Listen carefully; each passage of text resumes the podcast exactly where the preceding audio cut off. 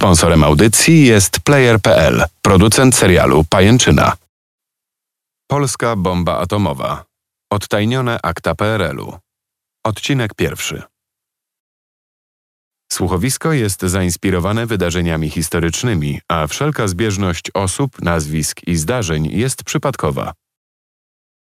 Warszawa, kwiecień, rok 1973. W Instytucie Badań Jądrowych w Świerku pod Warszawą, po sześciu latach badań nad mikrosyntezą termojądrową, zespołowi generała profesora Grzegorza Giedrowicza udało się osiągnąć temperaturę 10 milionów kelwinów. Podobna temperatura panuje na powierzchni Słońca.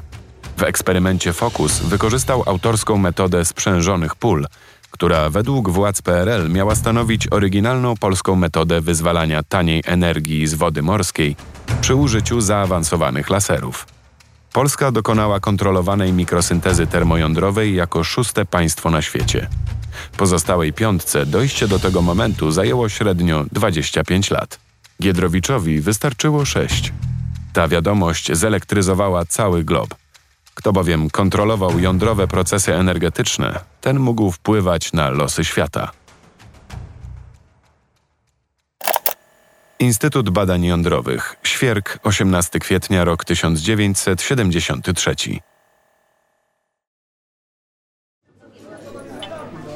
Wieczorem, po udanym eksperymencie, generał Giedrowicz zarządził oficjalną odprawę dla całego zespołu. W sali konferencyjnej zebrało się około 30 pracowników Instytutu. Wszyscy byli w doskonałych nastrojach. Zdawali sobie sprawę z rangi odkrycia, które przypadło im w udziale. Pewnym momencie głos zabrał generał Giedrowicz. Towarzysze, jestem dumny. Osiągnęliśmy wielką rzecz. Wynik eksperymentu jasno potwierdził możliwość uzyskania neutronów z plazmy wytworzonej laserem. Brawo! A, i byłbym zapomniał, szanowni tajni współpracownicy, bo na pewno takowi znajdują się na tej sali, powiedzcie swoim przełożonym, że Giedrowicz jest o krok od odkrycia nowego źródła energii.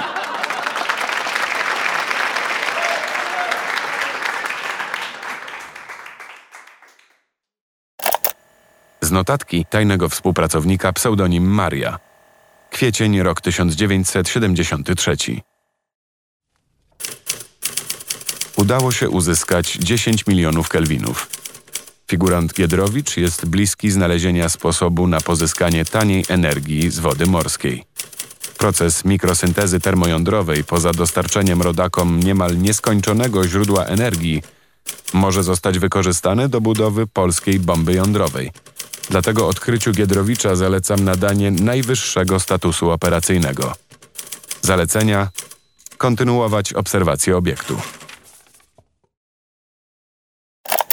Raport funkcjonariusza Adama Terasowicza. Wojskowa Akademia Techniczna 3 października rok 1974.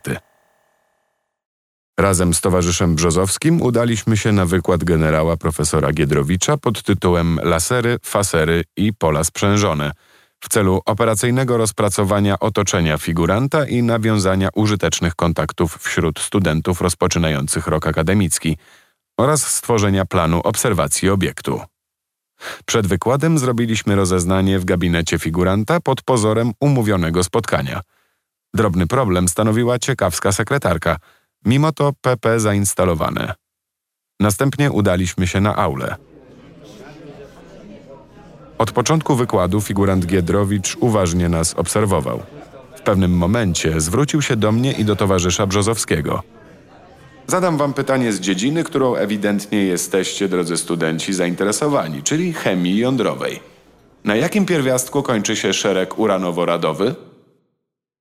Z wiadomych przyczyn na pytanie to odpowiedzi nie znaliśmy. Sytuację tę mogę określić jako niebezpiecznie bliską zdemaskowania.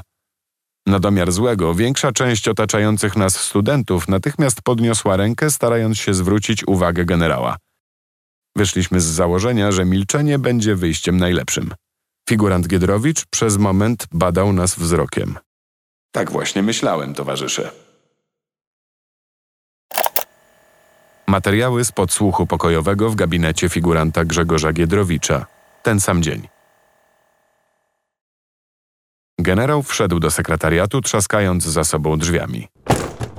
Pani Helu, proszę kręcić do Ministerstwa Obrony. Rzucił na prędce i zniknął w swoim gabinecie. Zza zamkniętych drzwi dało się jeszcze słyszeć kilka siarczystych przekleństw rzuconych przez Giedrowicza. Po chwili w jego pokoju rozległ się dźwięk telefonu. Figurant natychmiast odebrał. Ze słuchawki padło jedno ledwie słyszalne słowo. Jaruzelski.